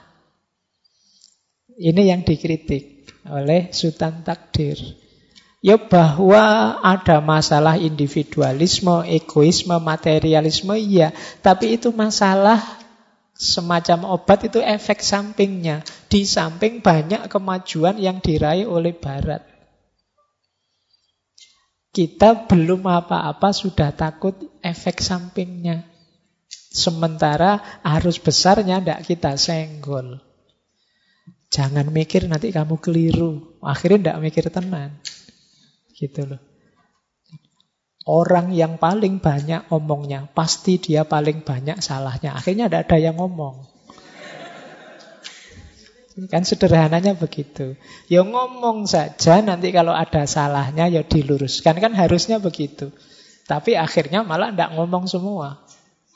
Bayangkan kalau saya pakai prinsip itu, kalau pas ngaji filsafat, eh Pak Faiz diinget-inget loh, yang paling banyak ngomongnya paling banyak salahnya. Oh, dosaku paling akeh. Saya paling banyak omongnya. Cara memahaminya tidak begitu. Maksudnya paling banyak omongnya, paling banyak salahnya itu ya kalau ngomong hati-hati. Karena kalau kita ngomong kemungkinan salah. Tapi kalau kita diam saja, tidak ngomong, tidak melakukan apa-apa, ya kita tidak mencapai apa-apa. Ya memang kalau kita menggunakan akal agak bablas, ya jatuhnya intelektualisme. Kalau kita belajar tentang sains, kemudian mempelajari sisi empiris alam semesta, bisa saja bablas jatuhnya materialisme. Tapi itu kan eksesnya. Bisa juga kok tidak harus ke sana. Gitu Jadi ribut-ribut di kongres ini tentang ketakutan egoisme, individualisme, materialisme itu bagi Sultan Takdir salah sasaran. Itu bukan problem kita. Problem kita masih problem awal. Gitu Itu mungkin kayak hari ini uh, gimana caranya Indonesia ini bisa mengembangkan postmodernisme. Lah kita modern aja belum. Sudah minta pos. Iya, pos itu kan pasca setelah modern mau apa? Lah kita modernnya belum mau dijujuk langsung postmodern misalnya. Nah ini cara yang dikritik oleh Sultan Takdir. Urutannya meleset. Nah lanjut. Nah kata Sultan Takdir selanjutnya ya. Namun sementara itu ada suatu hal yang kurang menggembirakan hati saya. Bangsa kita terkenal bangsa yang sangat hati-hati. Biar lambat asal selamat. Nah, itu semboyannya. Jadi, alon-alon waton kelakon. Sebelum mengerjakan sesuatu, dipikirkan dulu segala akibatnya. Orang hendak bepergian melihat ini hari baik apa hari buruk. Merenung berhasil atau tidak. Memakan waktu berhari-hari. Maka dalam prasaran yang diucapkan oleh beberapa pembicara, jadi ini sebenarnya ngeritik pembicara sebelumnya. Ini tidak berani-berani gerak, kesuwen, mikirnya terlalu banyak, mikir aneh-aneh. Kata beliau, pembicara pada kongres itu terbayang pula sifat bangsa kita yang terlalu hati-hati.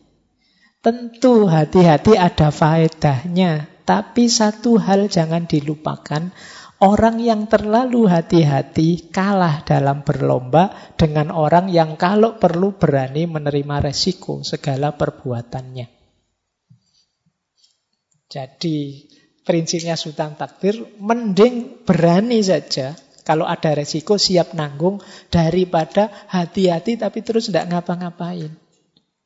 Ah nanti kalau saya begini jangan-jangan Begitu. Kalau saya melakukan ini, jangan-jangan efeknya ini. Mikir gitu terus akhirnya tidak ngapa-ngapain. Ya wis mending ayolah lakukan. Punya rencana apa jalan. Nanti kalau ada efeknya dibahas di belakang. Kita tanggung bareng-bareng resikonya apa. Kadang-kadang kan kita sering begitu. Mau bikin kegiatan aja rapatnya puluhan kali. Rapat ini, rapat itu. Nanti begitu rapat, keputusan rapat hari ini adalah kita akan rapat lagi minggu depan. Nah iyo, rapat terus. Mbak Uwes kalau ada rencana sudah jelas uh, nanti sekuen kegiatannya apa, jalanlah. Yo mesti ada resikonya. Apa sih yang tidak ada resikonya dalam hidup ini? Semangat yang kita perlukan adalah siap menanggung resiko itu saja. Allah paling nanti efeknya dimarahi dosen. Ayolah jalan. Allah paling ini nanti efeknya kita harus korban tenaga waktu. Tidak apa-apalah jalan. Kalau itu mikir itu lebih jalan. Jadi kita butuh orang siap nanggung resiko daripada kokean mikir terus tidak jalan-jalan. Nah ini beliau mengkritik itu para narasumber di sana. Kehati-hatian yang saya maksud terkait dengan masalah ini ya kecenderungan anti-intelektual, anti-individual, anti-egois, anti-materi yang kata beliau mendominasi sebagian besar pembicaraan. Bahkan ada yang berlebihan. Kadang-kadang kan banyak orang yang isinya hanya menakut-nakuti. Jangan-jangan, jangan-jangan, hati-hati loh. Kalau begini, begitu loh. Kalau begini, gitu loh. Iya, jadi wow, naik motor, hati-hati loh. Banyak kecelakaan sekarang. Nonton sepak bola hati-hati, banyak tawuran sekarang. Nanti buka HP aja, oh hati-hati loh sekarang banyak dihack, banyak di anu. Akhirnya kamu tidak ngapa-ngapain sama sekali. Jadi ya sudahlah, siapkan saja dirimu. Tidak ada hidup yang tidak ada resikonya. Selalu ada resiko. Baik, yang kelima. Ini beliau melanjutkan kritiknya. Agar jadi jelas, coba ya saya analogi yang sederhana kata Sultan Takdir. Bangsa Indonesia sekarang harus masak nasi. Yang perlu dilakukan pertama menghidupkan api. Kalau bangsa barat nasinya sudah masak, apinya sudah menyala. Masalah bagi bangsa barat bagaimana menjaga supaya nasi tidak hangus. Demikian pula bagi barat bukan masalah membesarkan api, tapi masalah mengecilkan api. Kalau bangsa Indonesia sekarang, dia harus berpikir keras. Bagaimana mengecilkan api, maka yang saya takutkan, nasi Indonesia tidak pernah masak. Sebab apinya tidak pernah hidup. Loh, ini jadi kalau ibaratnya masak nasi, barat itu nasinya sudah matang, tinggal menjaga agar apinya tidak mati dan tidak terlalu kecil kan itu. Biar nasinya tidak gosong. Lah kita belum menyalakan api sudah khawatir nasinya gosong. Akhirnya kan terus kompornya nggak dinyalain. Mau dinyalain nanti nasinya gosong. Yuk kita nasinya tidak masak-masak. Kapan masaknya dimulai? Kalau kita fokusnya menjaga api, wong apinya belum nyala. Kalau barat menjaga api wajar. Efek teknologi, efek sain dibahas barat wajar. Di sana sainnya maju. Lah kita kok yang bahas efeknya sain, wong kita ndak punya sain. Nah itu kritiknya Sultan Takdir. Wong dalam kehidupan kita sehari sain dan teknologi tidak ada. Kita sibuk khawatir kena efeknya sain dan teknologi. Itu seperti orang masak nasi. Apinya belum nyala tapi kok kita khawatir nasinya gosong. Nah, jadi ini kritik beliau. Ya ini untuk bahan renungan kita lah. Paling tidak kita dapat perspektif berbeda malam hari ini dibandingkan biasanya. Nah, yuk kita lihat. Kata beliau selanjutnya, saya tidak pernah berkata bangsa kita harus selalu mengejar barat dari belakang. Bukan pekerjaan kita membeo pada barat. Kita hanya mesti secepatnya memperoleh sifat dinamis barat yang melahirkan kebudayaan barat yang dinamis. Bangsa kita hanya mungkin punya harapan untuk masa yang akan datang apabila semua yang dicapai oleh Barat itu mem yang membutuhkan waktu berabad-abad dapat jadi milik kita dalam waktu yang singkat. Sesudah itu pasti kita akan mencari jalan sendiri bersama-sama atau tidak bersama-sama dengan bangsa lain di muka bumi. Bukan kok berarti kita harus meniru memfotokopi barat saja. Tidak. Maksudnya Sultan Takdir itu tadi yang pertama apa? Etosnya barat, sifat dinamisnya barat kita ambil. Sehingga kita bisa sejaya barat. Tapi ya selanjutnya kita sesuai jalur kita sendiri. Jadi sesuai dengan kekhasan kita sendiri. Biarlah Barat yang belajar berabad-abad, kita ambil hasilnya, terus kita kembangkan versi kita. Itu maunya Sultan Takdir. Bukan kok kita selamanya membebek Barat. Jadi jangan disalahpahami. Itu maunya beliau tadi. Jadi bukan kok terus Barat segalanya ya ndak. Cuma kan sekarang Barat maju. Yuk kita tiru sampai kita semaju mereka. Tapi kemudian kita kembangkan versi kita. Di jalur kita. Mungkin tetap sama dengan Barat, mungkin tidak, tidak masalah. Yang penting khas kita. Jadi bersama-sama atau tidak bersama-sama dengan bangsa lain. Nah, ini termasuk mungkin menurut saya unik. Kalau saya berkata kebudayaan yang baru tidak atau bukan berakar di masa yang silam, tapi di masa yang akan datang. Maksud saya bahwa segala daya cipta dalam kebudayaan baru itu hanya terjadi menurut keperluan masyarakat yang akan datang. Tenaga pendorongnya ialah cita-cita penduduk kepulauan ini untuk mampu duduk sejajar di pergaulan bangsa di masa yang akan datang. Generasi muda menatap ke depan, apa yang mau dikejarnya dan bukan menengok ke belakang apa yang sudah ditinggalkannya. Saya tidak pernah berkata bahwa generasi baru tidak usah tahu kebudayaan lama. Saya hanya berkata bahwa generasi baru harus bebas. Jangan terikat pada kebudayaan lama. Generasi baru harus tahu sebanyak mungkin tentang semua kebudayaan dunia dan di dalamnya tentu mencakup kebudayaan nenek moyangnya sendiri. Jadi generasi baru jangan sempit orientasinya ke depan, jangan ke belakang. Peradaban dan zaman punya logiknya sendiri, punya jiwa atau gaisnya sendiri. Jadi yo, yo dulu sudah nenek moyang kita berkarya luar biasa pada zamannya sesuai konteksnya. Hari ini zaman kita sesuai konteks kita, ya kita berkarya. Dengan kapital, dengan modal, dengan situasi yang kita miliki hari ini. Ya ndak harus kemudian berarti kita harus bikin candi Borobudur lagi ya Pak. Ndak harus begitu. Kita bikin perambanan lagi ya tidak harus begitu. Kita berkarya sesuai situasi kita hari ini. Jadi orientasinya ke depan, ke masa depan, bukan ke belakang. Jadi hidup ini kita mengarah ke depan terus. Meskipun bukan berarti kita lupa masa lalu.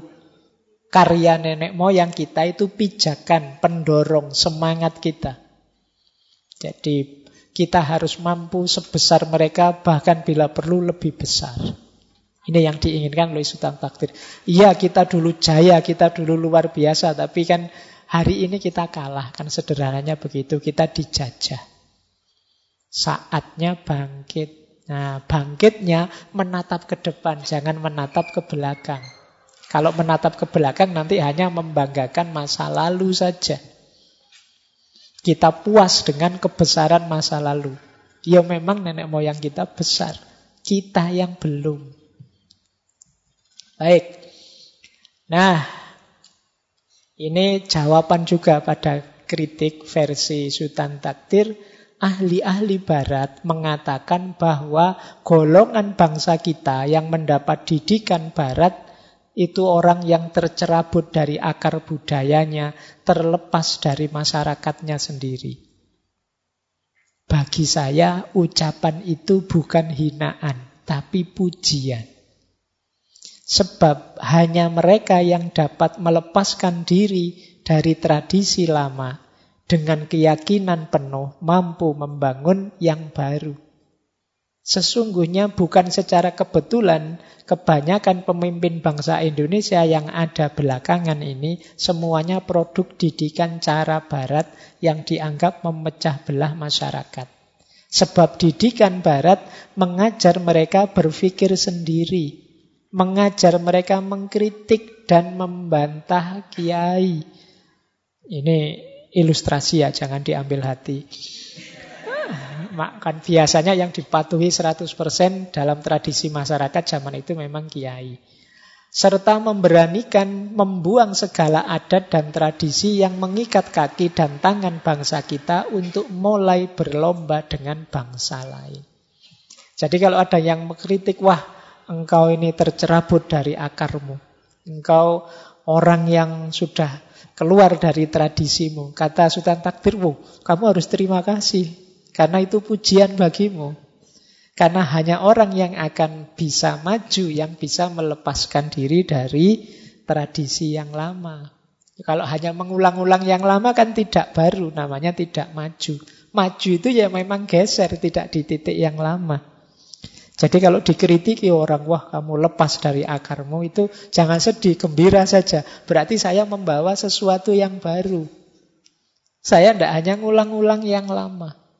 Jadi itu versinya Sultan Takdir. Atau wah kamu ini bikin pecah saja, bikin beda saja. Oh enggak apa-apa, itu berarti kamu benar-benar kreatif, kritis. Tidak manut saja pada yang lama yang belum pasti relevan. Nah inilah yang dikritikkan oleh Sultan Takdir sebenarnya. Nih, yo nanti bantahan-bantahan banyak, ada banyak tokoh yang bantah ini. Jadi ada yang pro, ada yang kontra. Silahkan dicek di buku itu ya. Tentang polemik kebudayaan. Jadi ini malam hari ini kita belajar seperti ini loh cara berpikir yang banyak orang menyebutnya ini gaya westernis. Orang yang punya kecenderungan berkiblat ke barat. Nah, ini kalimat terakhir untuk menutup sesi kita malam hari ini. Ini di salah satu tulisan beliau, beliau menyatakan masyarakat kita sekarang butuh kecerdasan. Asahlah kecerdasan setajam-tajamnya. Masyarakat kita kekurangan individu yang hidup. Hidup itu berarti mandiri. Hidupkanlah individu sehidup-hidupnya. Dalam masyarakat kita, orang kurang giat mengumpulkan dan memakai harta dunia. Didiklah bangsa kita mengumpulkan dan memakai harta dunia yang tersedia untuk semua umat. Gimana kita bisa membantu orang, gimana kita bisa sedekah, gimana kita bisa berbagi kalau kita tidak kaya. kayalah. Jadi banyaklah harta.